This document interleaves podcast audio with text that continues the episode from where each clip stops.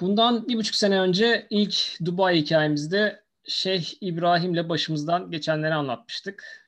Yani ben Dubai'ye dört kez gittim dedim ama Dubai'yi anlatmak için ben kimim ki? Denize bile girmemişim, safari bile yapmamışım. O yüzden Dubai'yi daha iyi anlatmak için hiçbir masraftan kaçırmadık ve konuğumuz Şeyh İbrahim. Esselamu Aleyküm Şeyhim. ve Aleyküm Selam ya Habibi. Hoş geldiniz. Hoş Efsane bulduk. mühendis e, Los Angeles'ı, Las Vegas'ı anlatmıştı ve insanlar pandemiden sonra gitmek için sıraya girdiler. Los Angeles için şu an sırada bekliyorlar. Bakalım Dubai hakkında bize efsane mühendis neler anlatacak? Çünkü senelerce orada yaşadı. Yani ben arada ziyaret etmiş olabilirim ama e, Dubai zaten o hikayemizde çok anlatamamıştık. Şimdi mesela o hikayemizde Şeyh'in bir lüks bir alışveriş merkezine gittiğinden bahsetmiştik. Ben onun ismini bile bilmiyordum. Şimdi bir buçuk sene sonra efsane mühendis size hem Dubai'yi anlatacak hem de e, o alışveriş merkezinin ismini de bize artık iletecek. Evet. Hoş geldiniz. Hoş bulduk. Öncelikle e, bir önceki podcastimizde bizi dinleyen, yorum yapan, e, beğenen tüm dinleyicilerimize teşekkür ederim. E, ve şehir hikayelerinin tüm dinleyicilerine de iyi bir, sağlıklı, özellikle sağlıklı bir 2001, 2021 yılı dileyerek başlayalım. Ee, şimdi Dubai'de ben 2007'nin sonu, 2008'in başından 2012'nin sonuna kadar işte 4,5-5 yıl yakın bir sürede yaşadım. Sonrasında da işte 2014, 2015 ve 2016'da tekrardan ziyaret ettim kısa süre bir haftalık gibi. Ee, ama anlatacaklarım çoğu orada yaşadığım dönemde edindiğim tecrübeler, gözlemlerim üzerine e, benim için aslında hani bir ikinci vatan gibi denebilir. Çünkü zaten ufak bir yer Birleşik Arap Emirlikleri. E, başından sonuna çok rahat arabayla gidebileceğiniz bir yer olduğu için zaten 4,5-5 yılda her yerine bir şekilde hakim olabiliyorsunuz. Sizin ilk hikayenizde geçen yerde e, Deira City Center. Dubai'nin ilk alışveriş merkezlerinden. Aslında artık hani çok da gözde olmayan, çok da revaçta olmayan bir yer. Biraz daha lokallerin, eskilerin bildiği bir alışveriş merkezi. Çünkü şimdi birazdan bahsedeceğiz. Dubai Mall, Mall of Emirates falan varken e, Deira City Center artık çok da esamesi okunmayan bir alışveriş merkezi. Şimdi buradan e, Dubai tabi Birleşik Arap Emirlikleri'ndeki 7 emirlikten bir tanesi aslında. E, bu böyle bir genel bilgi vererek başlayayım istersen. Hı hı. E, 7 tane emirlik var Birleşik Arap Emirlikleri'nde. Aslında başkenti Abu Dhabi. E, hem yüz ölçümü olarak hem de zenginlik olarak en büyük emirlik Abu Dhabi. Daha sonra Dubai, Şarja, Rasal Kayma, Ajman, e, Umel Kuveyn, Fuceyra diye devam ediyor. Böyle yedi tane emirlik var. Şimdi emirlik deyince bunların hepsinin birer emiri var mı başlarında? evet, bunların hepsi bun, bunların hepsinin birer emiri var. Hı hı. Zaten hikayeleri şöyle. Bunların tamamı e, aşiretler gibi düşün. Zaten Arap Yarımadası'ndaki diğer ülkelerde de çok meşhur olan aşiret sistemi. Ve bunların kökenleri aslında Suudi Arabistan. Hı hı. Yani buradaki aileler Suudi Arabistan'dan bu topraklara geliyorlar. Ee, ki şöyle söyleyeyim Abu Dhabi ve Dubai'de hatta diğer yani Şarja'daki, Ajman'daki yer isimlerinin birçoğu aslında Suudi Arabistan'da bunların geldikleri yerler. Mesela Abu Dhabi'de Banias diye bir yer vardır e, El Ain diye bir büyük bir şehri vardır mesela Abu Dhabi'nin. Bunlar aslında Suudi Arabistan'da olan yerler. Aslında Suudi Arabistan'da buradaki aileleri geldiği yerleri temsil ediyor bu isimler. Yani Türklerin gidip Avrupa'da Efes restoran açması gibi bir şey. Onlar da geldikleri yerin Gibi. Ismi. Aynen. Aynen. Aynen. Ee, bunlar abi normal böyle e, çadır düzeninde aşiretler. Hepsi bir yere yerleşiyorlar. Ondan sonra zaten işte Abu Dhabi'den Fucera'ya kadar tüm emirliklerin e, şey okyanus deniz kıyısı var. Yani ya körfez kıyısı var ya okyanus kıyısı var. Fucera'da okyanus kıyısı var. E, petrol daha sonra bunlar Şeyh Zayed yani vefat eden buranın kurucusu, Birleşik Arap Emirlikleri'nin kurucusu ve Abu Dhabi'nin e, şeyhi, emiri. Diyor ki gelin kardeşim birleşelim. Tarihlerinde böyle çok kısa dönen bir birbirleri arasında hafif aşiret sürtüşmeleri, savaşları falan da var aslında. Biraz da galiba ülke hikaye katmak için de bunları biraz abartıyorlar gibi geliyor bana. Ya altı üstü böyle iki üç tane atlı gitmiş birbirine sataşmış falan gibi bir durum var bence. Bayağı kılıç kalkan savaşı gibi bir şey herhalde. Ya, gibi gibi evet. Ya daha doğrusu aralarında böyle gerginlikler, sürtüşmeler varmış bu emirliklerin. Sonra Şehzayet diyor ki gelin birleşelim. e, biz bir devlet kuralım diyor ve Birleşik Arap Emirlikleri bu şekilde kuruluyor. Birleşik Arap Emirlikleri'nin başkenti Abu Dhabi. Abu Dhabi'nin şeyhi olan işte Zayed ailesinden e, şu an Halifa bin Zayed El Nahyan e, ülkenin cumhurbaşkanı. Dubai Şeyhi Emiri de şu an Maktum e, Şeyh Maktum. O da başbakan. Ve genelde bakanların çoğu da Abu Dhabi'deki ailenin yani yine Nahyan ailesinin çocuklarındaki e, üyeler genelde işte Dışişleri Bakanı, Savunma Bakanı falan genelde Abu Dhabi'nin oluyor. E, petrol önemli bir gelir kaynağı ama petrolün yüzde 87'si e, aslında Abu Dhabi'de. Dubai'de çok petrol falan yok. E, Dubai'nin genel geçim kaynağı turizm ve e, port. E, Cebel Ali Free, Free Zone dedikleri liman. Çünkü bütün e, Arap ülkelerine olan hatta işte Hindistan'a e, gelen ve giden tüm mallar buradaki e, port üzerinden gidiyor. Burası serbest bölge. Tabii çok uzatmak istemiyorum ama orada yaşamak isteyenler için ufak bir bilgi. İşte şirket kurmak için de size bir avantaj sağlıyor. Çünkü orası e, normalde Birleşik Arap Emirlikleri'nde bir şirket kurabilmeniz için birisinin size sponsor olması gerekiyor. Siz hatta bunu galiba anlatmıştın diye hatırlıyorum şeyde. Ee, ilk Dubai hikayesinde böyle bir muhabbet geçmişti diye hatırlıyorum. Evet vize için de söylemiştik. Vize için de sponsor gerekiyor. Evet. Bunu söylemiştik. Yani hatta bunlar bu işler şöyle işliyor. Mesela işte sen ben gittik ufak bir işletme kurmak istiyorsak orada bir lokal bulup bu lokal polis memuru falan da olabilir ki biz bunları yaptık hani bizim arkadaşlarımıza falan da bu şekilde yardımcı olduğumuz oldu orada. Herhangi bir lokal sana sponsor olup bunlar şu şekilde de işliyor. Senden bir kere eline para alıp sponsor olabiliyor ya da yani direkt ortak da olabiliyor. Ama iş büyüdüğü zaman e, büyük çaplı işler yapmak istediğin zaman bu sefer özellikle Royal Family'den birilerinin sana hissedar olması gerekiyor. Ve bu hissedarlık genelde şöyle büyük hissedar ne olması gerekiyor. Hı hı. Mesela benim orada e, çalıştığım firma Abu Dhabi'nin en büyük e, inşaat firmalarından bir tanesiydi. Bizim firmanın yüzde altmışı e, işte şu an yine oradaki Royal Family'de Şeyh e, Halifa'nın kardeşlerinden Şeyh Tahnun diye kardeşlerden bir tanesine aitti. Hatta direkt benim çalıştığım alt firmada Şeyh Mansur'un şu an e, işte Manchester City'nin sahibi, Barclays'in hissedarı, hı hı. E, Mercedes'in %9 hissedarı olan yine e, kraliyet ailesinden olan Şeyh Mansur'un firmasıydı %60'ı. Burada öyle bir durum var. Yani şirketin büyüdükçe e, ya lokal ama büyük bir hissedar ya da iyice büyürsen Royal Family'den e, bir hissedarın olması gerekiyor. Şimdi bu free zone sana şöyle bir avantaj sağlıyor. Devlet senin direkt sponsorun oluyor. Kimseyle uğraşmana gerek kalmıyor. Hı hı. E, eğer e, porta uygun ben ticaret yapacağım diyorsan diyor ki ben sana burada ofis alanını da sağlarım. İşte onun bir ücreti var. E, benim en son dönerken 2012'de 20 bin dirhem gibi bir paradan bahsediyoruz. Bu da işte 6 bin dolara tekabül ediyor. Para birimine de gireriz birazdan. 6 bin dolar gibi bir paraya diyor ki devlet senin sponsorun olsun. Hiç kimseyle uğraşma. Gel burada şirketini kur.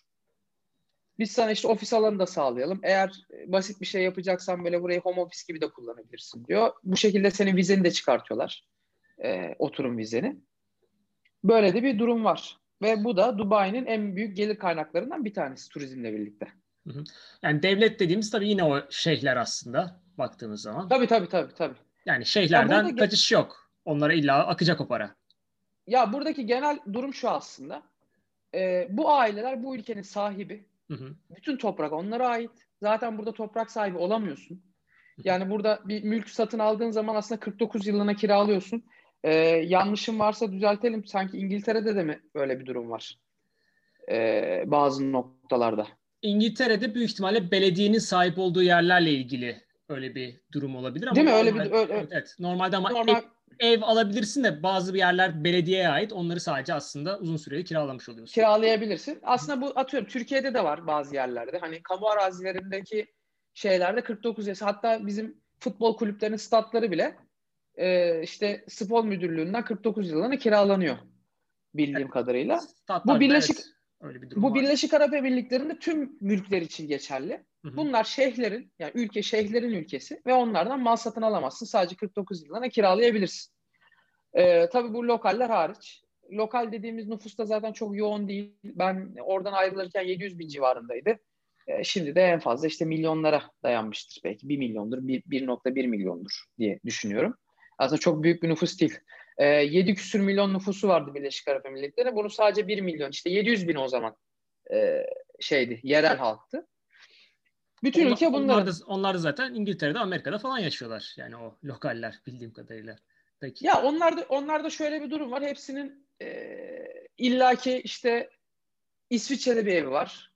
İngiltere'de bir evi var. İşte Kanada'da bir evi var. Zaten burası çok sıcak bir ülke. Aşırı yaz mevsimlerinde genelde bunlar o yüzden Avrupa'ya kaçıyorlar.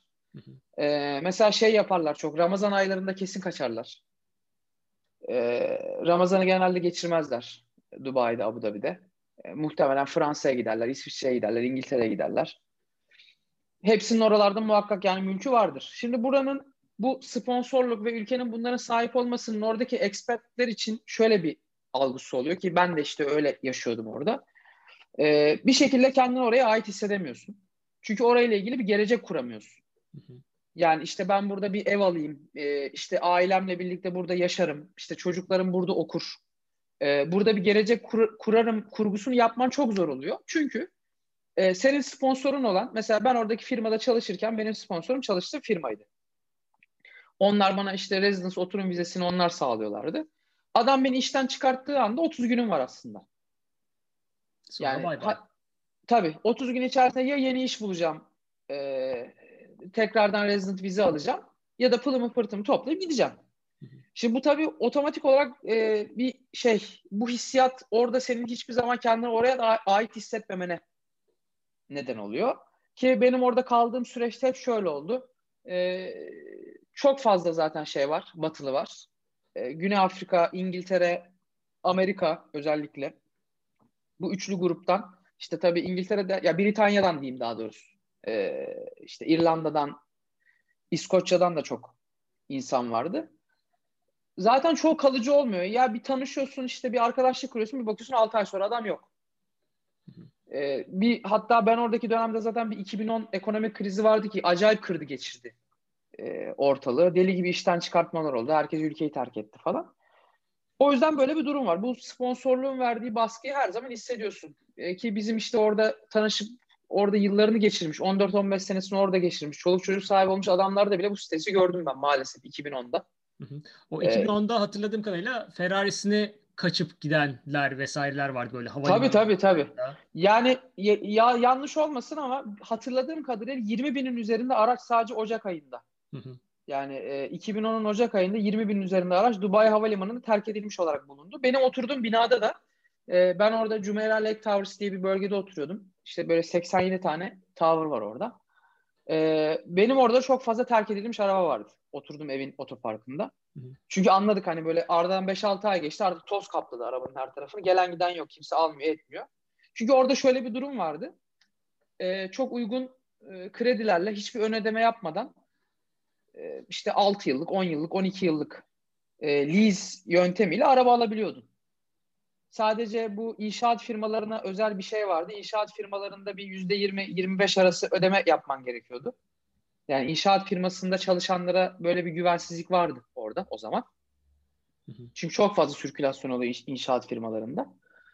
Onda ama onun dışındakilerde işte ne bileyim adam e, şey çok vardı. İşte Financial Times'ın oradaki bürosunda çalışan bir adam gidiyor çok rahat hiçbir ön ödeme yapmadan e, 10 yıllık lease'le gidip Ferrari alabiliyordu. Veya işte Porsche alabiliyordu. E, düşündüğün zaman da adamlara şöyle gibi geliyor. Kiralama gibi aydan aya ödüyor. Zaten fiyatlar uygun. Araba fiyatları da uygundu. Özellikle Türkiye ile falan kıyasladığın zaman çok uygundu. Hatta e, orada tanıştığım bir İngiliz bu gidip gelme hani ülkesiyle ilgili kurguyu konuştuğumuzda şöyle dedi. Yani burada ben e, Londra'da yaşasam böyle bir eve, böyle bir arabaya sahip olamam. Çünkü bir villada oturuyordu. E, bakıcıları vardı çocuklarının ve Bentley'e biniyordu. Hı hı.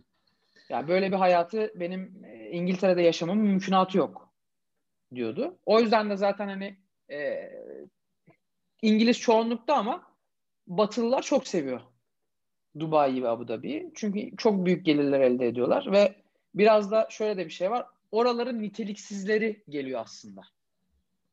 Ona rağmen krallar gibi yaşama şansı. Tabii tabii. Hı hı. Tabii çünkü Batılılara karşı inanılmaz bir sevgi var. Ee, tabii saygı da var aynı zamanda. Ee, bunu da sonuna kadar kullanıyorlar bu arkadaşlar.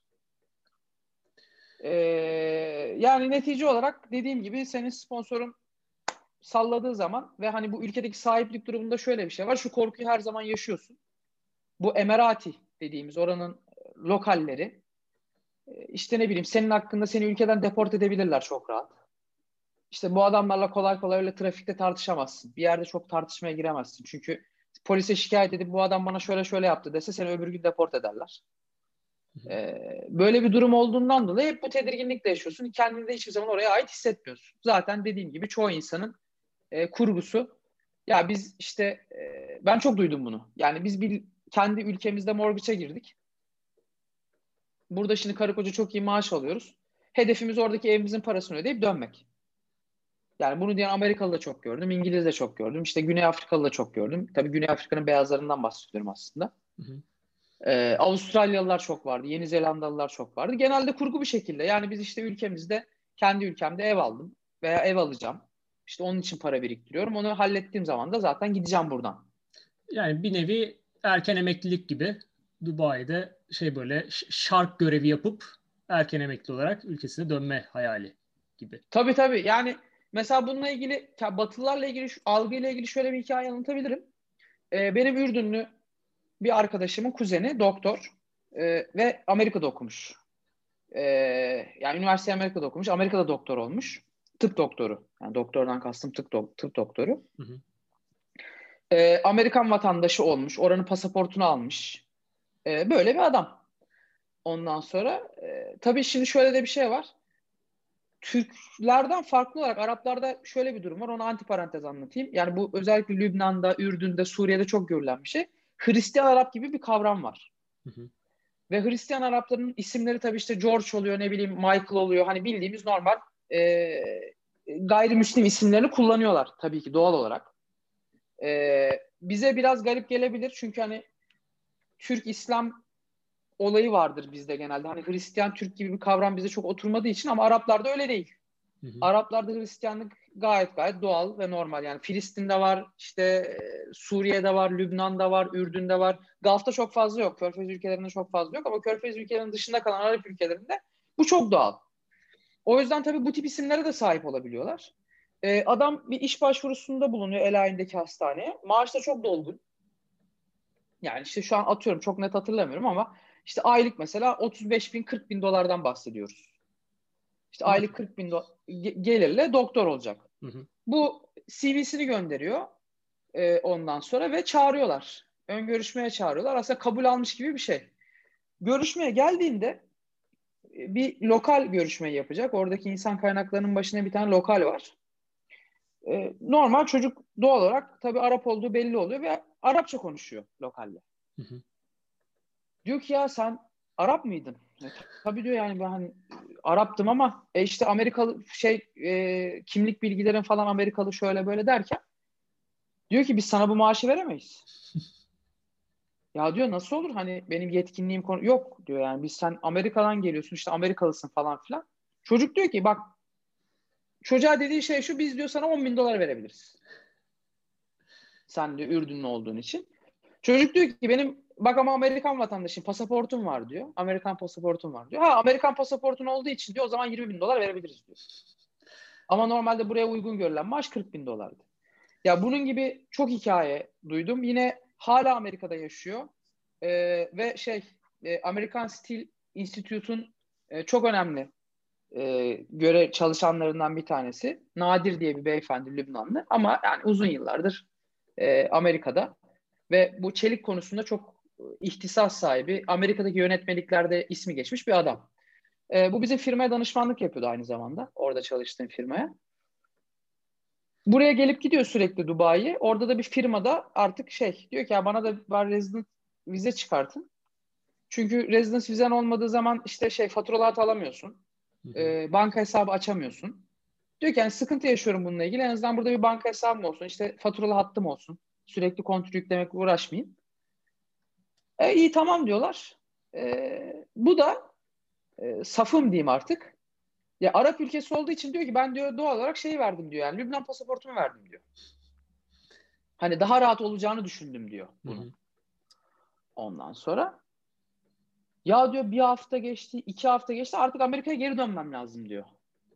Ve pasaportumu da verdim onlara. Hani ya ne olacak bu iş çıkmayacak mı falan filan. E, kendisi şeye gidiyor. Ya bu immigration ofise gidiyor. Ya diyor böyle böyle biz başvuru yaptık. E, bizim PRO'da sorup duruyor falan. Sonra bu bir şekilde diyor ki benim Amerikan pasaportum da var diyor. Ama ben şeye gitmem lazım. Yani dönmem gerekiyor diyor. Adam tepkisi şu oluyor. Ya Amerikan pasaportum vardı niye vermedin o zaman diyor. Bizi uğraştırıyorsun diyor. Adamın bildiğin Amerikan pasaportunu alıyor. Aynı gün içerisinde oturum vizesini çıkartıyorlar. Ee, yani işte orada Batılılara yaklaşım bu şekilde. Yani hem maaş olarak hem rahatlık olarak e, çok el üstünde tutuyorlar. E, çok yüksek maaşlar ödüyorlar. O yüzden de Batılılar çok seviyor. Hani niye sevdikleriyle ilgili ülkenin zaten diğer konularına da gireriz. Hani rahatlığı olsun, güvenliği olsun. Tabii onlardan da bahsetmekte fayda var. Nasıl devam edelim? O konulara geçelim mi? Hani günlük hayat nasıl işliyor Dubai'de, Abu Dhabi'de gibisinden. Yani şunu anladım. Dolayısıyla belki o arkadaşın işte American English konuşsaydı orada hiç bu konulara girmeden Arapçasını hiç söylemeseydi. Çünkü normalde şeydir ya böyle bir Arapça konuşayım da birazcık daha e, şey gözükeyim onlara. E, evet evet evet. Ama evet tam ters etmiş öyle anlıyorum. Yani şeye geçebiliriz işte Dubai'de nerelere gidilir? O deveyle mi geziyorlar? Ee, şu, yani işte şey haberleri görüyoruz böyle öpüştüler, hapse atıldılar falan böyle şeyler oluyor mu? Ee, içenleri öldürüyorlar mı? İşte Tahran hikayemize bahsetmiştik orada üç kere üç kere içkili yakalanırsan e, idama gidiyor falan filan gibi. Yani Dubai'deki bu ortam nasıl? Onları biraz girebiliriz. O zaman yani normal sosyal yaşamdan evet. bahsedelim. Hı hı. Bunun içerisinde de zaten hepsini anlatmış oluruz. Ee, Dubai'de, Abu Dhabi'de ikisi için söyleyeyim. Hayat çok rahat, çok güvenli, inanılmaz güvenli. Tabii Dubai'nin farkı şu, Abu Dhabi daha fazla lokalin yaşadığı, Dubai daha fazla yabancının yaşadığı bir şehir. Ee, ben de ilginç bir sentezim vardı. Ben Dubai'de yaşıyordum, Abu Dhabi'de çalışıyordum. Hı hı. Yani o yüzden bu işte 4-5 yıllık sürenin içerisinde ikisini de bol bol doya doya yaşamış oldum. Ee, en benim için en önemli o ülkede en rahat, en konforlu hissettiğim şeylerden bir tanesi çok çok güvenli olmasıydı. Bunu özellikle vurguluyorum çünkü hani bu böyle hayalin ötesinde bir şey. Şöyle ülke çok sıcak. Ee, çok sıcak olduğu için klima artık olmazsa olmaz. Mesela arabayla işte bir markete gidiyorsun. Arabanda zaten klima sürekli çalışıyor. Ve şu çok önemli bir şey. Hani markete gireceğim. Çıkana kadar o klimanın kapanmaması gerekiyor. Çünkü sıcaklık 50 küsur derece. Hı hı. Normal arabanın anahtarını üstünde bırakıp işte içerisinde çantamın, laptopumun olduğu şekilde bunu marketin otoparkında bırakıp içeri girip 10-15 dakika alışveriş yapıp rahat rahat çıkabiliyordum. Orada yaşadığım süre boyunca yaşadığım evin kapısını hiçbir zaman kilitlemedim. Yani hiç hatırlamıyorum kapısını kilitlediğimi. Ee, böyle bir durum var. İnanılmaz güven. Hiç suç duymuyorsun. Ben oradaki galiba yanlış hatırlamıyorsam ikinci yılımda bir bıçaklanma olayı olmuştu. İşte birisi birisini bıçaklıyor. Pakistanlı birisi oradaki işte bir yabancıyı mı Hindistanlıyı bıçaklıyor. Bu mesela bir hafta konuşulmuştu orada. Sabah işte işe giderken radyoyu açıyorum konu bu. İşte bıçaklamanın arkasında ne var? Sır perdesi falan. Yani hani adamlar için bıçaklama o kadar büyük kaotik bir olay ki. Bunu bayağı böyle bildiğim bir hafta olay yaptılar. Böyle bir durum var. İşte hırsızlık olmuyor, suç olmuyor, gasp olmuyor, bir şeyin çalınmıyor. Bir kere sosyal hayattaki en önemli noktalardan bir tanesi çok çok güvenli olması. Yani hırsızlık olmaması bir bana işte Tokyo hikayemizde bahset, bahsedilmişti. Belki Japonya'da vardır o kadar hırsızlığın olmaması durumu. Ee, ama Orta Doğu'ya geldiğimizde herhalde başka öyle bir ülke bulmamız çok zor. Tabii tabii çok zor, çok zor. Yani bunda iki şey var. Bir, e, hakikaten çok fazla surveillance var ülkenin her tarafında. Yani her tarafı inanılmaz gözlüyorlar. E, ciddi fazla polis var. Çok gözüne çarpmıyor ama ilginç bir şekilde yine. Yani bir olay olduğu zaman hemen ortaya çıkabiliyorlar ama hiç gözüne çarpmıyor.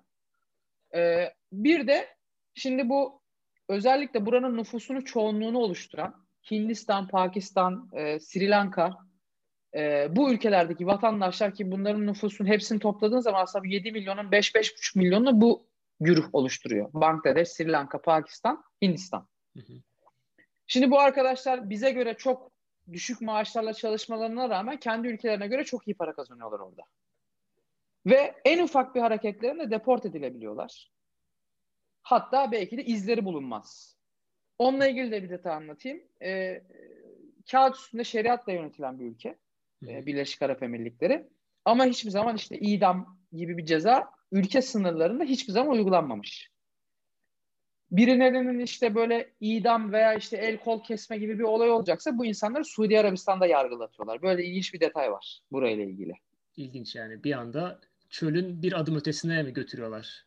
Evet evet aynen öyle. Yani Suudi Arabistan bunları daha rahat uyguladığı için hı hı. E, biraz da şey var galiba PR çalışmasının da bir parçası bu. Yani hani o algıyı bozmamak için e, bu sınırlarda genelde bir şey oluşmuyor, idam oluşmuyor. E, hatta oradaki ilginç hikayelerden bir tanesi, konu konuya at, atlıyoruz ama konudan konuya. Şimdi truck road diye bir şey var.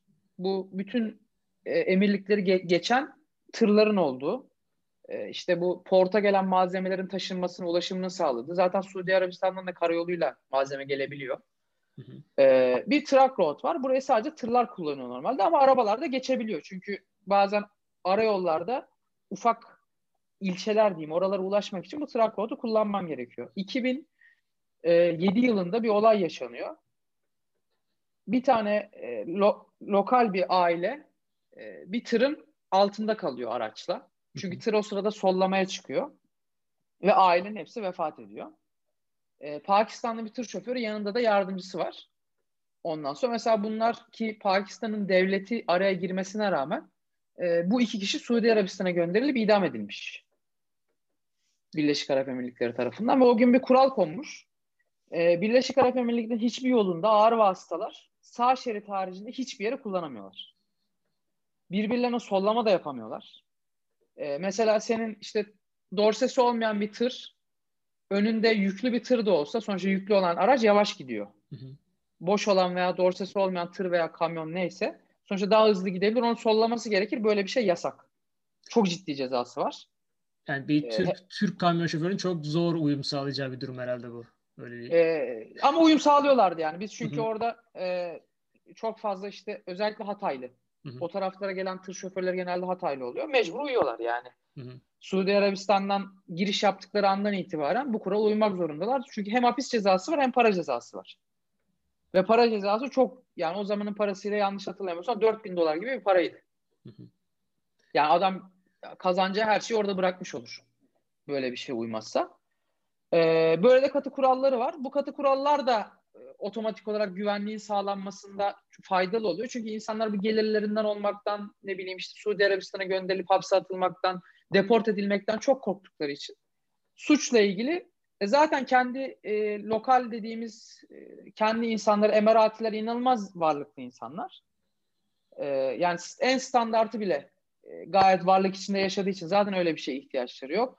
E, dediğim gibi yabancılar veya beyaz yakalılar diye sınıflandıracağım hani Avrupalılar zaten çok çok iyi maaşlar alıyorlar.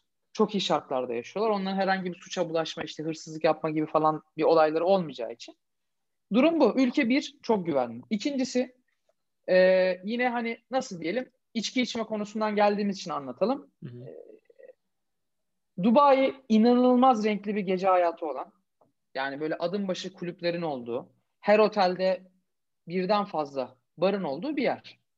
Zaten eğer yabancıysan daha doğrusu gayrimüslimsen senin içmen konusunda hiçbir sıkıntı yok. Yani her yerde içebilirsin gayrimüslimsen. Bunun için de şöyle bir durum vardı. E, tabii kimse bununla ilgili bir uygulama yapmıyor ama kağıt üstünde şöyle bir uygulama vardı. Gidiyorsun e, bir departmana gayrimüslim olduğunu ispat edip bir evrak alıyorsun. O evrakla likör storelardan içki satın alabiliyorsun. Bir bara gittiğin zaman kimse sana sormaz.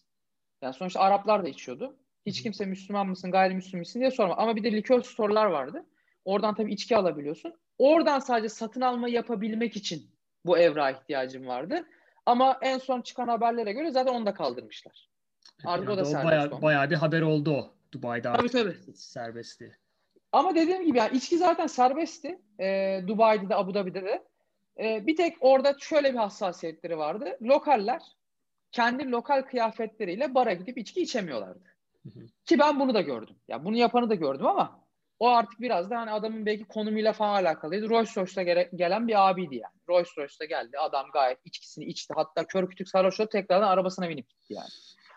Ee, ondan sonra ama hani bir klaba girmek isterlerse, e, bir pub'a girmek isterlerse kapıdan almazlar lokal kıyafetle ama onlar da zaten kıyafetlerini değiştiriyorlar, geliyorlar. Yani işte kot, gömlek, tişört, neyse takım elbise giyip istedikleri yere gidip istedikleri gibi içki içebiliyorlar. O yüzden içmek serbest. Kıyafet konusunda herhangi bir yaptırım yok. Ee, işte ben e, Jumeirah Lake Towers diye bir yerde oturuyordum. Benim karşı hemen yani bir üst geçitten karşıya geçtiğin zaman Jumeirah Beach Residence. Bu orası da sonuçta bir sahil kesimi. Ee, bir sürü otelin plajı var. Mesela benim oturduğum yerden insanlar işte bikinilerin üstüne o faroya mı diyorlar onlara ee, giyip yürüye yürüye plaja gidebiliyorlardı. Yani o yüzden hani yok açık gezmek, e, açık giyinmekle ilgili de herhangi bir sıkıntı yok. Ben hiç böyle bir şey görmedim yani. Hatta biraz şöyle bir durum olmuştu. Yine ben orada yaşarken gerçekleşmişti o. Bazı mollarda uyarılar koymuşlardı. Çünkü özellikle Rus turistler çok çok açık giyiniyorlardı. Yani hani artık bu anlattığımın da bir iki tık ötesine geçtikleri için uyarı tabelaları koymuşlardı. Hani çok fazla abartmayın diye. Ben hatırlıyorum evet bir yani benim gittiğimde oradaki mollarda birkaç uyarı tabelası gördüğümü hatırlıyorum. Böyle işte giyiminize dikkat edin böyle bir şeyler yazıyor. Evet. Ya ama o da şeyle ilgili değil hani e, böyle nasıl diyeyim kimse tutup sen işte mini etek giydiğin üstünde kısa kollu bir şey var falan diye karışmazlar yani. Hı hı. Ama böyle çok uçuk gece kıyafetleriyle mola giden falan olduğu için böyle bu uyarı yapma ihtiyacı duymuşlar. Ee, ondan sonra evet öpüşmeyle ilgili de bir olay yaşanmıştı. E, tabii o kadar da abarttırmıyorlar. Yani bir public e, plajda iki kişi öpüşmüş ondan sonra bunları deport etmişler. Yani ben oradayken yaşanmıştı bu. Bu da haber olmuştu. Ee, yine katı kural demeyelim de Ramazan ayında yeme içmeye dikkat ederler. Ramazan ayında tüm restoranlar kapatılır. kapatılır. Ee, ama yine gayrimüslimler için, Müslüman olmayanlar için ki yani sen ben de gitsek bize de kimse kimlik falan sormaz ama e, take away şeklinde alabilirsin restorandan. Gidip oturma olmuyor ama gidiyorsun işte ne bileyim Subway'den sandviçini alıp çıkabilirsin. Kimse bana bir şey demez ama bunu açıkta sokakta yiyemezsin. Sokakta sigara içemezsin, su içemezsin. Ee, yine bazı bazı yerler camlarını halıyla kapatıyorlardı. İşte dışarıdan görünmüyor. Onlara içeri girip yemek yiyebiliyorsun. Dışarıdan görünmediği için bunlarla ilgili sıkıntı olmuyordu. Ee, böyle bir durum vardı. Hatta bir keresinde şöyle bir şey yaşamıştım ben. O sırada iftar saat 5-6 gibi oluyordu yanlış hatırlamıyorsam. Ben de işten çıkmıştım. Arabayla gidiyorum. Arabada da su içiyordum. Ee, bir baktım yandaki Arap böyle kornaya abanıyor. Delirdi adam. Ee, ondan sonra. Hatta şey böyle radyodan ezan açıp sesi açtım falan bak okunuyor diye. Ha tamam özür dilerim falan dedi. Ondan sonra böyle bir hassasiyetleri var.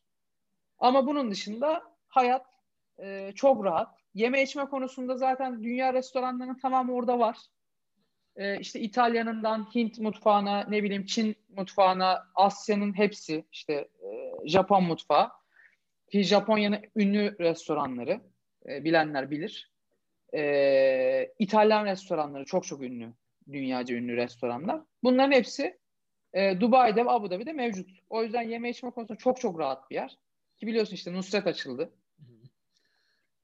E, ki hani buradaki fiyatlara göre çok çok daha yüksekmiş.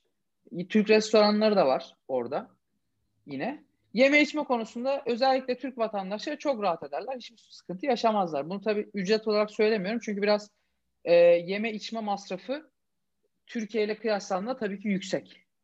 E, ondan sonra ama yeme içme rahatlığı konusunda bir sorun yaşamazlar. Normal Arap restoranları da ki Arap restoranı olanların çoğu zaten Lübnan restoranıdır. Ya Lübnan ya Suriye oluyor.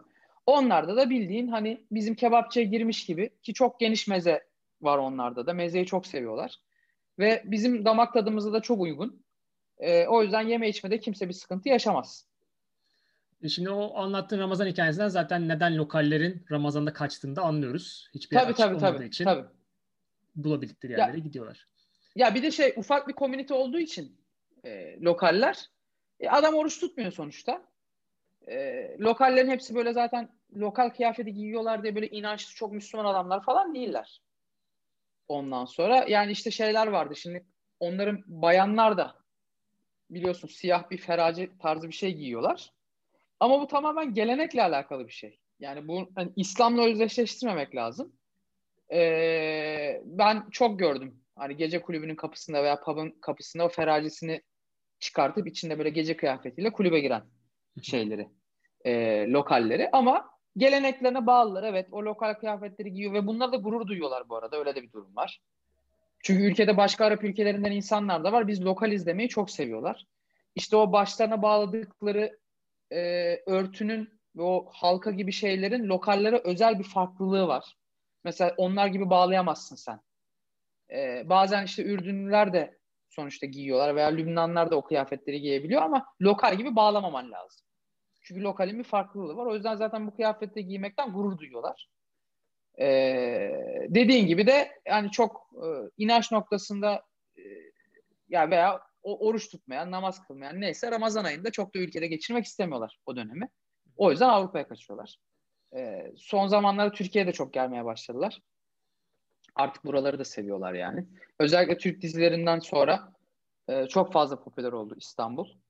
Ben oradayken e, neydi o şey bizim meşhur Behlül'le Bihter'in olduğu dizi. O, ortalık yıkılıyordu yani. Hatta şey ben diziye hakim değilim bana soruyorlardı. Ne olacak, nereye gidecek falan filan diye böyle. Hayat duruyordu. Sonradan Kurtlar Vadisi geldi. İşte bütün şehzayet boyunca Kurtlar Vadisi resimleri bir lokantaya gidiyorsun. Milletin telefonu cendere çalıyor falan. Ezel'i hatırlıyorum sonra... ben gittiğim zamanlarda. Tabii tabii. Ezel, Ezel'de o e, ekip gelmişti. Kenan İmirzalıoğlu. Ondan sonra işte onlar hatta şey Ezel'in müziğiyle su gösterisi yapılmıştı. Hmm. O su gösterisi de hemen madem bahsetmiş ki orayı anlatacaktım Moğol'dan bahsederken ama söyleyeyim. Bu Dubai Mall'un içerisinde e, Dubai Fountain diye su gösterisinin yapıldığı bir yer var. Bu su gösterisinin yapan ekip e, yine bir önceki podcast'imize dönelim. E, Bellagio'da Las Vegas'taki Bellagio'daki meşhur su gösterisini yapan ekiple aynı. Yani sistemi onlar kurmuşlar. Hı hı. Ondan sonra Ezel'in müziği de o e, orada yapılan şovların içerisine eklenmişti.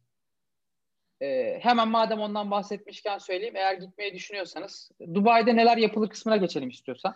Evet bu nerelere gidilir kısmımıza geçebiliriz. İlla ki burayı kaçırmayın. Kesin gidin. Nerelere diyebiliriz. Şimdi Birleşik Arap Emirlikleri aslında 3-4 gün içerisinde çok rahat gezilebilecek bir yer. E, çünkü böyle çok eski bir yer olmadığı için yeni bir ülke. E, zaten en çok gezilecek yerler genelde mollar oluyor e, Birleşik Arap Emirlikleri'nin. Öyle wow işte şuraya da gideyim şuraya da gideyim yetiştiremeyeceğim gibi bir ülke değil. Ama tabii ki gidilecek güzel şeyler var. Birincisi neyden başlayalım? Safari'den başlayalım. Hı hı. E, çöl safarisi. Hem Abu Dhabi'de hem Dubai'de çöl safarisi yapabilirsiniz.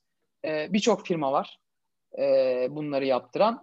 Çok çok da hızlı kullanırlar. Biraz mideye dikkat etmek lazım. Tok karna gitmeyin. Uyarayım. E, çünkü istifra etmeniz mümkün. Acayip e, aksiyonlu bir şey oluyor e, Safari. Safari tüm gününüzü alabilir.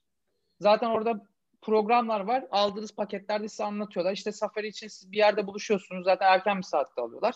Ondan sonra şehrin dışına çıkıyorsunuz çöle. Çölde bir safari yapılıyor. Ondan sonra sizi bir alana götürüyorlar. Burada çadırlar var. Yemek yeniyor. Ee, işte ondan sonra dansözler geliyor mesela oraya. Ee, orada yemek yiyorsunuz. İşte dansları seyrediyorsunuz. Sonra tekrardan bir safari daha yapılıp ondan sonra geri getiriliyor. Ama bu neredeyse hemen hemen günün yarısını alan bir aksiyon. Ama kesinlikle tavsiye ederim. Hani e, turistik gelenler için muhakkak e, safariyi olmazsa olmazlardan bir tanesi. Çünkü hani başka yerde kolay kolay yapamayacağınız bir aksiyon. Ee, bir ikincisi gezilecek yerler dediğimiz zaman işte Dubai Mall ve oradaki Burj Khalifa. Burj Khalifa hala dünyanın en yüksek binası olma ünvanını koruyor. Ee, hemen onunla ilgili de böyle belki şey olur ya magazinsel bilgi vereyim. Ben ülkeye gittiğimde 2008 yılında orası o proje Burj Dubai diye başladı aslında.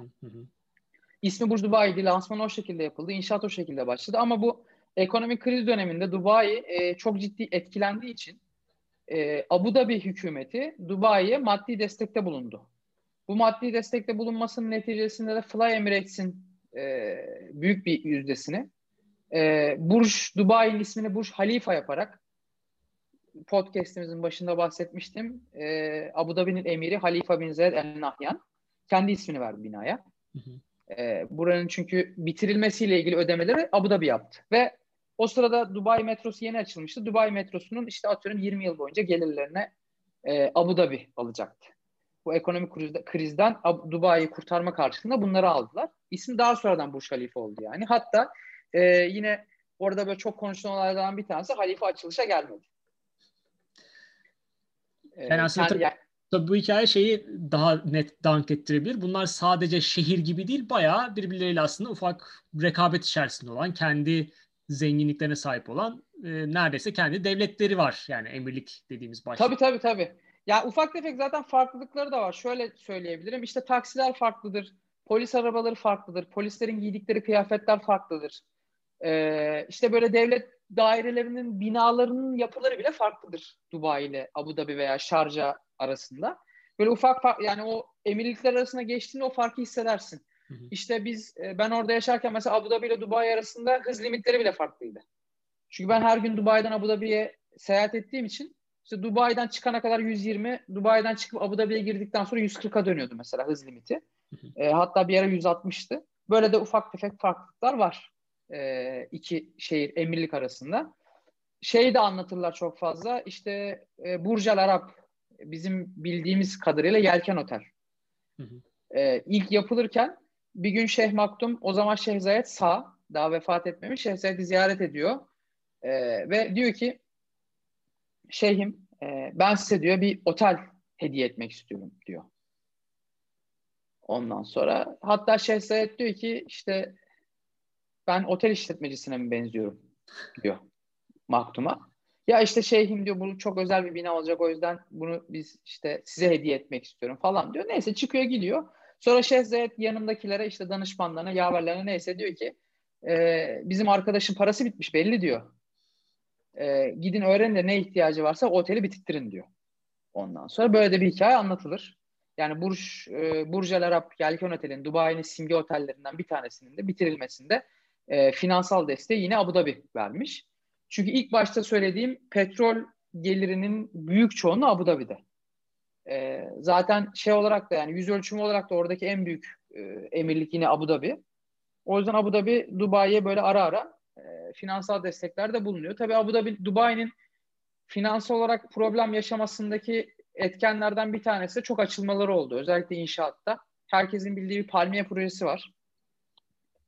Ee, bu palmiyeden iki tane daha yapmaya başlamıştı Dubai. Bir tanesi palmiye Deira, yine Palm Deira. Ondan sonra bir tane daha palm vardı. O da Cebele'nin orada bir palm daha kuruyorlardı. Bir de World projesi. Evet, Muhakkak, dünya adaları. Ülkeler. Evet, dünya adaları. Hatta işte bazı ünlülere satmışlardı. Yanlış hatırlamıyorsam. Ee, işte Hollywood starlarına Michael Schumacher'in falan vardı galiba. Hı hı. Orada haberi çok kend... olmuştu evet. Evet evet. O proje bitiremediler zaten buralara inanılmaz paralar akıtınca o yani 2010'daki global krizle birlikte tabii hem bundan dolayı da çok etkilendiler. Bundan da Abu Dhabi yardımcı olup kurtardı e, Dubai'yi. Şeye dönelim tekrardan e, Burj Halifa'ya. Burj Halifa hala dünyanın en yüksek binası. Burada At the Top diye bir e, nasıl diyeyim aksiyon var. E, 125. katına çıkartıyorlar sizi binanın. inanılmaz hızlı asansörleri var. O zaman için hala geçerli mi bilmiyorum dünyanın en hızlı asansörü deniyordu. Hakikaten çok çok hızlı çıkıyor. Bu yüzden de böyle kulağınızda çok ciddi basınç falan hissediyorsunuz e, inip çıkarken. E, 400. metre, 800 küsur metre bina, 828 metre gibi bir şey olması lazım binanın en üst noktası. Sizi 400. metresine çıkartıyorlar. Zaten dümdüz bir ülke olduğu için, çöle kurulu bir ülke olduğu için bütün ülke ayaklarınızın altında gibi oluyor e, buraya çıktığınızda. Bu yapılabilir. Zaten bunun iç, buraya girdiğiniz yer e, bu şey Mall'da yanlış hatırlamıyorsam hala öyle. Dünyanın en büyük alışveriş merkezi. Hı hı. En büyük kapalı alana sahip alışveriş merkezi. Ge- gezmek hakikaten çok zor ve uzun sürüyor. Yani tamamen alışveriş merkezini tamam gezeyim derseniz bayağı vakit harcarsınız. İçerisinde devasa bir akvaryum var. E, Dubai Mall akvaryum ama tavsiye ederim. Ee, çok güzel bir akvaryum. Gezilir yani böyle içinden geçerken üstünüzden köpek balıkları falan geçiyor. Ee, öyle bir yer. Ee, yine birçok e, mağaza, yeme içme çok inanılmaz çeşitli. İşte Cheesecake Factory'den Londra'nın meşhur Ben's Cookies'ine kadar e, başka yerde yiyemeyeceğiniz birçok yiyeceği e, mağazasını Dubai Mall'un içerisinde bulabilirsiniz. O yüzden Dubai Mall çok keyiflidir. Yine Dubai Mall'un içerisinde ki restoranlardan su gösterisini izlemenizi tavsiye ederim. genelde insanlar şey yapıyor. Su gösterisinin olduğu yere yakın izlemeye çalışıyorlar. Oradan tam tadını alamıyorsunuz. E, yani hemen Burj Dubai'nin şey e, Dubai Mall'ın içerisindeki bir restorandan e, su gösterisine bakan bir restorandan rezervasyon yapıp orada hem yemeğinizi yiyip hem de su gösterisine inanılmaz derecede keyif alabilirsiniz. Bu tiyoyu da arada vermiş olayım. E, bir diğer yine aktivitelerden yine mall söyleyeceğim ama Emirates Mall. Emirates Mall'un özelliği de içerisinde kayak pisti olması. İşte dışarıda 50 derecedeyken içeride size kar kıyafetlerinizi giydirip e, kayak yaptırabilirler. Bu da böyle enstantanik bir olay oluyor. Yani, yani 50 ay, derecelik. Aynı gün, aynı gün safari yapıp sonra gelip kayakta kayabilirsiniz. Kayakta kayabilirsiniz. Aynen öyle. Ya yani bayağı büyük bir şey var, alan var içeride. E, hoş da bir görüntü. Molun içerisine böyle bir kayak pisti yapmışlar. Bir de ironisi de oluyor yani. Dışarısı çölün ortasında böyle bir şey e, ilginç bir ironi oluyor. E, bu iki mol aslında bence yeterli. E, işte İbni Batuta Mall var, Deire City Center var. Ya birçok alışveriş merkezi var ama zaten bu ikisini görseniz e, hem her türlü markayı hem her türlü restoranı görmüş olursunuz. Diğerlerine gidip gitmemek artık biraz vakitle ilgili bir şey. Çok da önemli değil. Bir de Türkiye'den giden birisi için Türkiye zaten alışveriş merkezi cennet olduğundan dolayı yani böyle alışveriş merkezi gidip de o wow diyeceğiniz bir şey değil. Dediğim gibi belki oradaki restoranlar için veya büyüklüğü için, içerisindeki akvaryum için gidilebilir. Ee, Dubai Mall'a. Zaten şey orada Dubai Mall'un yanında adres otel var. Ee, Armani'nin, Armani markasının kullanıldığı ilk otel. Ee, Design Bar Armani. Orada yine birçok ünlü restoran var. Ee, yanlış hatırlamıyorsam Nusret de orada. Ee, Armani Otel'in orada olması lazım. Çünkü ben oradayken açılmamıştı daha ama sonradan açıldığında okuduğumuz kadarıyla oralarda. Ne yapalım? Devam edelim mi? Bir de yani ufak belki işte Dubai Marina'dan bahsedebiliriz. Orası da çünkü benim son gittiğimde beğendiğim bir yerdi. Ee, sonrasında da senin dönüş hikayende de sonunu kapatabiliriz. Tamam. O zaman şöyle yapalım. Şimdi bunun dışında e, denize nerede girilir kısmına gelelim aslında. Hı hı. Ki bu marinayı, e, GBR'ı ve Atlantis Oteli kapsayan bir durum. Atlantis Otel e, bu Palm Jumeirah denilen palmiye şeklindeki adalar gibi yapılan, palmiye şeklinde yapılan adalar grubunun içerisinde. E, zaten Dubai'nin en meşhur otellerinden bir tanesi. E, inanılmaz bir Aqua Adventure su parkı var içeride. E, dünyanın en büyük su parkı. İşte bir sürü böyle kaykay ne bileyim e, kayarken üstünüzden bir yandan su akıyor falan böyle çok inanılmaz aktivitelerin olduğu özellikle çocuklu aileler için e, yani çok keyifli vakit geçirecekleri bir yer Atlantis Otel. Atlantis Otel'in içerisinde çok güzel e, gece kulüpleri ve restoranlar da var. Yani tabii biraz ücreti diğer otellere göre yüksektir. Ama onu karşılayacaklar için Atlantis Otel'de hem kalınıp hem de bu e, Aqua Park'ın keyfi çıkartılabilir. Veya sadece Aqua Park'a gidip yani Aqua Park'ın ücretini ödeyip yine e, ondan da faydalanabilirsiniz. Hı hı. E, yine bu hem yüzme aktivitesi açısından hem yeme içme ve gezme açısından Atlantis Otel'de görülmesi gereken yerlerden bir tanesi. Orada zaten bu Palm Jumeirah'ın içerisindeki e, Rixos'un da orada bir oteli var. Bu otellerin hepsinin kendi plajları var. Yani bu otellerde kalıyorsanız zaten denize girmekle ilgili probleminiz olmaz. Hepsinin kendi özel plajı var. Ee, Madina Jumeirah diye Burj, e, Burj El Arab'ın yani Yelken Otel'in hemen yanında Madina Jumeirah diye böyle eski görünümlü bir alışveriş merkezi tarzında bir şey var. Ee, benim en çok sevdiğim yerlerden bir tanesi ilginç bir şekilde. Gezmeyi çok çok seviyordum. Her beni ziyaret birlikte gittiğimiz birlikte hemen gittiğimizde hemen. hatırlıyorum. Evet, böyle biraz yani. bizim kapalı Evet yani kapalı çarşıyı andıran böyle bir havası var. Hı hı. E, aslında yeni bir yapı ama e, dekorasyon çok otantik yapılmış. E, ve yani hediyelik eşya almak isteyenler de muhakkak gitsinler geçsinler orayı. Hem e, oradaki e, yöresel hediyelik eşyaları bulabilirler. İçeride çok çok güzel restoranlar var. E, Madinat Jumeira'da. E, hatta güzel böyle birkaç tane pub da var. İşte Trader X var mesela. Çok orijinal bir yerde. Hem yemekleri güzel hem hafta sonları, bu arada tabii onu belirtmedik ama e, resmi tatil günü Cuma günüdür e, Dubai'de, Abu Dhabi'de, Birleşik Arap Emirlikleri'nde daha doğrusu. E, işte Cuma günleri, Perşembe akşamları veya Cuma akşamları orada dans gösterileri de yaparlar. Genelde Latin dansları oluyor. E, hoş bir yerdir, güzel vakit geçirilebilir. Birkaç tane daha böyle pub club var Madinat Cumhuriyeti. Hem alışveriş hem yeme içme hem e, gece hayatı açısından hoş bir yerdir. Muhakkak gidilmesini tavsiye ederim Madinat Cumeyra. Zaten şimdi sırayla gidiyoruz aslında. Cumeyra e, Palm'dan çıktınız. işte Burj Arab'a geldiniz. Ondan sonra Madinat Cumeyra Abu Dhabi'ye doğru gitmeye devam ederken sıradaki Dubai Marina oluyor. Hı hı. E, Dubai Marina hem içerisinde birçok residence'ın olduğu hem de bu marinanın etrafında birçok restoranın çoğu da nargile kafe. Ama e, tabii nargileye düşkün olanlar için de şöyle bir şey söyleyeyim. Orada içeceğiniz nargileyi Türkiye'de hiçbir yerde içemezsiniz. E, sen geldiğinde tecrübe etmiş miydin hatırlamıyorum ama. Evet evet o üzüm hala kokusu benim burnumdadır. Aynen yani. aynen öyle. Yani inanılmaz inanılmaz güzel nargile yapıyorlar. Hani bununla ilgili bir düşkünlüğünüz, tutkunuz varsa e, Dubai'de muhakkak güzel bir yerde nargile için önerebileceğim yerlerden bir tanesi Rimel Bavadi olabilir. Hem otantik bir restorandır hem nargilesi çok güzeldir. E, Dubai Marina keyifli bir yerdir. Orası zaten The Walk diye geçiyor aynı zamanda. E, marinanın etrafındaki yürüyüş alanları işte sağda denizi görürken işte arada yatlar geçer solunuzda restoranlar vardır. E, oraya da tavsiye ederim. Hem yeme içme açısından hoş bir yerdir. Çok fazla yabancı görürsünüz. Arap az görürsünüz marinada. Marinadan çıktıktan sonra yine Abu Dhabi tarafına doğru e, GBR dediğimiz Jumeirah Beach Residence diye adlandırılan ki onda aslında ilginç bir hikayem var. Ben 2008'de ilk Dubai'ye gittiğimde oralar daha yoktu. O da çok ilginç bir şey. Yani hatta benim oturduğum yer demin bahsettiğim Jumeirah Lake Towers ve Jumeirah Beach Residence diye bir şey yoktu. İnşaat halindeydi. Ve ben 2009'da orada yaşamaya başladım. Bu da hani Dubai'deki inşaatla ilgili herhalde bir şey oluşturur. Bir algı oluşturur. Çünkü gittiğinizde görürsünüz Jumeirah Beach Residence dediğim yer devasa bir yer. Bir sürü kulenin olduğu, kulelerin hepsi aynı tip, bir sürü otelin olduğu, e, önü komple sahil.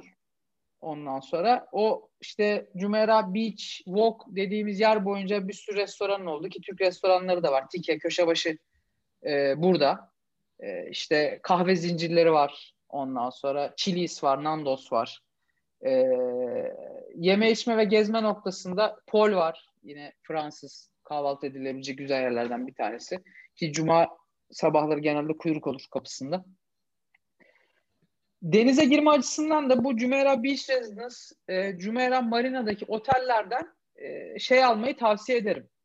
Çünkü şöyle paketler var. İşte haftalık, aylık ya da günlük paketler alabiliyorsunuz. Mesela Jumeirah Beach Residence'da Hilton'un inanılmaz güzel bir şeyi vardır. E, plajı vardır. Burj El Arab'ın yanında aslında halk plajı var. E, ama halk plajı hem kalabalıktan hem de biraz şey böyle Hintli Pakistanlı arkadaşlarla beraber takılalım o şekilde denize girelim derse tercih edilebilir.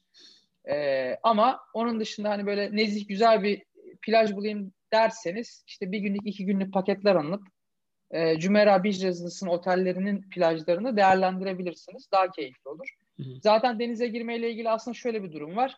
E, denize girmek isteyenler için Aralık Ocak daha tavsiye ederim.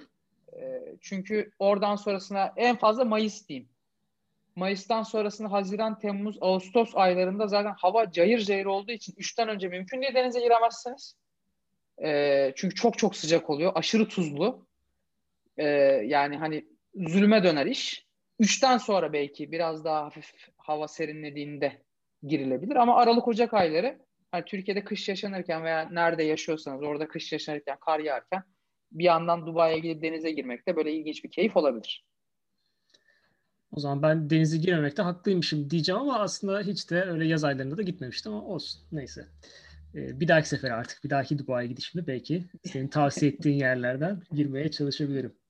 İnşallah. Ba- başka var mı atladığınız bir yer bununla ilgili Dubai'de? Yani aklıma gelirse söylerim yine. Yani çünkü dediğim gibi çok ama bu bu anlattıklarım hani insanların yapacağı aktivite olarak gidecekleri restoranlar veya işte işte kulüptür, oteldir. Bunlar muhtemelen zaten yeterli olacaktır. Ee, şey de söyleyebilirim. Deira kısmı, Deira dediğimiz yer aslında eski Dubai. Ee, Dubai Deira havalimanı, şu an havalimanının bulunduğu yer eski Dubai. Dubai oradan Abu Dhabi'ye doğru gelişen bir şehir. Bu en son anlattığım marina, e, GBR, işte GLT bunlar en son kurulan yerleri ama en modern yerleri. Deyra tarafında veya Barşa diye, diye tabir edilen yerler eski Dubai'dir. E, zaten oraya gittiğinizde anlayacaksınız evler de eskidir biraz. E, daha fiyatlar daha uygundur. Otel fiyatları daha uygundur. E, ondan sonra. Durum bu. Dubai ile ilgili. E, işte Trade Center falan da söyleyebilirim ama zaten o genelde böyle şeylerin olduğu, e, fuarların olduğu bir yer. Dubai'ye fuar için gidecek olanlar zaten muhtemelen Trade Center'a gidecekler. Çünkü fuar alanı orası. Başka dönüşe mi geçelim? Nasıl ee, yani evet daha başka yerlere girmeyelim çünkü oralar mesela Yas Marina'ya vesaireye girersek onlar iyice e, bambaşka yerlere doğru gitmiş oluruz. Bence Dubai'yi gayet güzel bir şekilde e, özetledin. E, senin dönüşüne dönersek e, yani dönerken her şeyi bırakıp mı döndün? Nasıl döndün? Tekrar gidip orada çalışmak ister misin? O konularda fikirlerini alabiliriz. Ee, evet. Bırakıp dönme. Ya bırakıp dönme aslında şöyle oluyor. Bir yerde artık ilk başta e, konuşmamızın başında anlattığım sebeplerden dolayı bir yerden sonra bıkkınlık gelebiliyor. Ee, tabii orada şöyle değerlendirmek lazım. Ben orada yaşarken bekardım. Ee, evli olsaydım belki daha farklı düşünebilirdim. Ee, yani kalma noktasında belki biraz daha kalayım diye düşünebilirdim yani. Ama hani bekar olunca biraz daha rahat oluyorsun o noktada. Hani kalkıp gelme noktasında. Hı hı. Ama bir yerden sonra bıkkınlık gelebiliyor. Bu sıcağın, işte e, tek düzeliğin, o yapaylığın veya işte birileriyle tam iletişim kuruyorsun, bir arkadaşlık kuruyorsun, bir bakıyorsun yok adam. Yani 3-4 ay sonra gitmiş, ülkesine dönmüş veya işten çıkmış, işten çıkartılmış her neyse. Böyle çok kalıcı, çok uzun süre dostluklar da kuramıyorsun. Birçok Türk firması geldi oraya. Ee, tam hani orada bir Türklerle bir komünite kuralım diyorsun. Adamların işte şirket bir şekilde çekiliyor oradan. Hop bir bakıyorsun 6 ay sonra kimse yok. Ondan dolayı bunun verdiği bıkkınlık bir de 5 sene yeter deyip e, dönme kararı aldım. Dönmek nasıl oluyor? Eşyalar ne yapıyorsun? Satın aldıklarını ne yapıyorsun noktasında şöyle oluyor. Oturumun olduğu için ve 3 seneni doldurduğun zaman ki benim oturumum da vardı. 3 yılımı da doldurmuştum orada. Konsolosluğa gidiyorsun. Diyorsun ki ben kesin dönüş yapıyorum. Konsolosluk sana bir kesin dönüş evrağı veriyor. Kesin dönüş evrağı ile birlikte oradan bütün evdeki eşyalarını ki ben birçoğunu e, ya mobilyalar hariç onlarla uğraşmak istemedim. E, onları orada bıraktım veya tanıdık eşe dosta verdim ama işte elektronik eşyalarım olsun, ne bileyim halılarım olsun, kıyafetlerim olsun her şeyi e, gemiye yükletip Türkiye'ye getirdim ve Türkiye'de gümrüksüz bir şekilde aldım. Hı hı. Kendi ev eşyalarım olduğu için. Hı hı. İşte bunun içerisine ne bileyim elektrik süpürgesinden televizyona, müzik sistemine kadar her şeyi getirdim. Ve bunlarla ilgili de burada hiçbir şey ödemedim. Bunun için dediğim gibi önce konsolosluğa gidiyorsunuz. Ben kesin dönüş yapıyorum diyorsunuz. Hı hı. Kesin dönüş evrağınızı alıyorsunuz. Ee, orada bir transport firmasına eşyalarınızı teslim ediyorsunuz. Burada e, işte clearance şirketlerine o konsolosluktan aldığınız evrağı verdiğiniz zaman gümrüksüz bir şekilde ürünlerinizi teslim alıyorsunuz. Ee, tekrar dönmek ister miyim? Ee, ya herhalde istemem. Gezmeye gitmek isterim o ayrı bir şey. Ee, ama yani artık ülkemde düzenimi kurmuş bir insan olarak herhalde uzak da geliyor olabilir şu an o, o konu bana. Tekrardan oraya dönmek. Ama e, bir de tabii şöyle de bir şey var. Ben orada hala e, arkadaşlarım, dostlarım var. Onlarla iletişime devam ediyorum. E, ülke çok çok pahalı hale gelmiş. Hı hı. Yani turistik olarak söylemiyorum ama hani orada çalışmayı düşünenler için belki bunu da belirtmekte fayda var. Yani bir artı bir ev zaten ben oradayken de çok ucuz değildi. Atıyorum yıllık kiramız zaten böyle 30 bin dolar civarındaydı. Bir, artı bir evin. Şimdi o biraz da artmış. İşte böyle 40 bin 45 bin dolarlara anca bir artı bir ev kiralanıp. Bir de orada genelde kiralar yıllık peşin alınıyor. En fazla 3 çek e, şeklinde ödüyorsunuz. E, eskiden şey yoktu KDV bizim KDV dedim işte VAT yoktu. Şimdi %5 artık KDV gelmiş. E, o da bir tabii biraz hayat pahalılığına neden olmuş. E, şu an benim orada konuştuğum arkadaşlar hatta bir tanesi artık e, ben de dönmek istiyorum çünkü buranın çok tadı tuzu kalmadı gibi bir şeyler söyledi. Hem iş noktasında e, özellikle ben benim sektörüm inşaat olduğu için inşaat artık doymuş bir ülkeden bahsediyoruz. Yıllardır inşaat yapıla yapıla artık zaten o sektör iyice daralmaya başlamış e, Birleşik Arap Emirlikleri'nde. Onun dışında da hayat pahalılığından dolayı hani iyi maaş alıyorum, kenara para atıyorum noktasından da çıkmaya başlayınca çünkü eğitim inanılmaz masraflı, ev inanılmaz masraflı olunca bir anda o cazibesini de yitirmiş. E, gezmek için tavsiye ederim ama yaşamak için e, şu anki durumu itibariyle çok çok da cazip değil gibi geliyor ama e, işte avantajları eğer sıcağı seviyorsanız e, bir yandan da güvenli bir ülke olmasından dolayı e, yaşayacak olanları da tabii ki tavsiye edebilirim yani.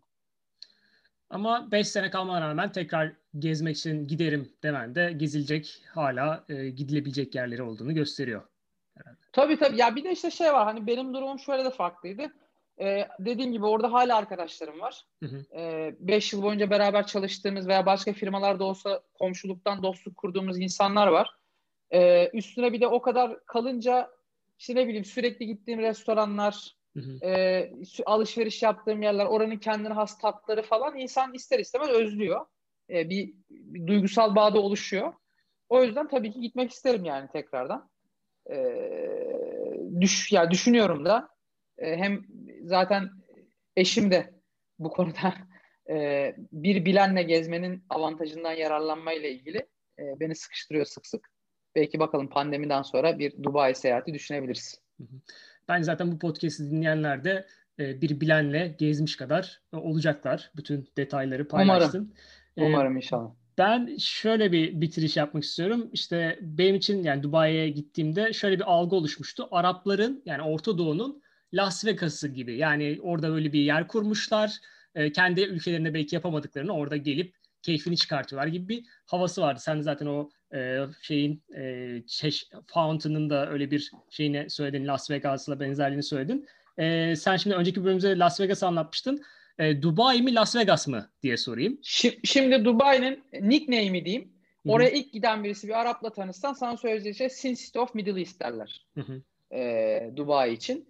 Bu eskiden Beyrut'muş. Bunu da hani belirtelim. E, daha sonra Dubai bunu elde etmiş. Hı-hı. Şimdi mesela hafta sonları, cuma günleri inanılmaz derecede Kuveyt ve Suudi Arabistan plakalı araba görürsün etrafta. Çünkü Kuveyt'te ve Suudi Arabistan'da buradan çok çok daha katı olduğu için işte orada gece kulübü yok. İşte içmek, ne bileyim eğlenmek ee, ondan sonra çok çok daha zor olduğu için Suudlu gençler hafta sonları Dubai'ye akıyorlardı. Hı hı. O yüzden hani bu Ortadoğu'nun e, günah şehri e, şeyini sonuna kadar e, hak ediyor. Yani kıyaslamak Vegas mı Dubai mi dersen ya Vegas çok uçuk bir yer. Şimdi e, tabii ki Vegas bambaşka bir konu ama Vegas'ta yapacağınız işte kumar oynamak hariç her şey Dubai'de yapılabilir mi? Evet her şey Dubai'de yapılabilir. Yani senin gönlündeki hangisi o zaman Dubai ile Las Vegas arasında? Ya yine çok zor soru. Ama burada şey olur biraz ya Dubai'de yani yaşadığım için e, orada daha bir duygusal bağım var. O yüzden o yüzden herhalde Dubai derim yani. O zaman bir sonraki soruma geçiyorum. Dubai mi Çeliktepe mi? Aa çok kıstırdın. Tabii tabii ki tabii ki Çeliktepe. Yani e, Çeliktepe'yi biliyorsun hiçbir yerle kıyaslamam. E, Dubai mi Çeliktepe'deki cevabım açık ara Çeliktepe. O zaman Buradan tüm Çeliktepe'lere selam olsun. Evet, İstanbul'un Sin City'si Çeliktepe'de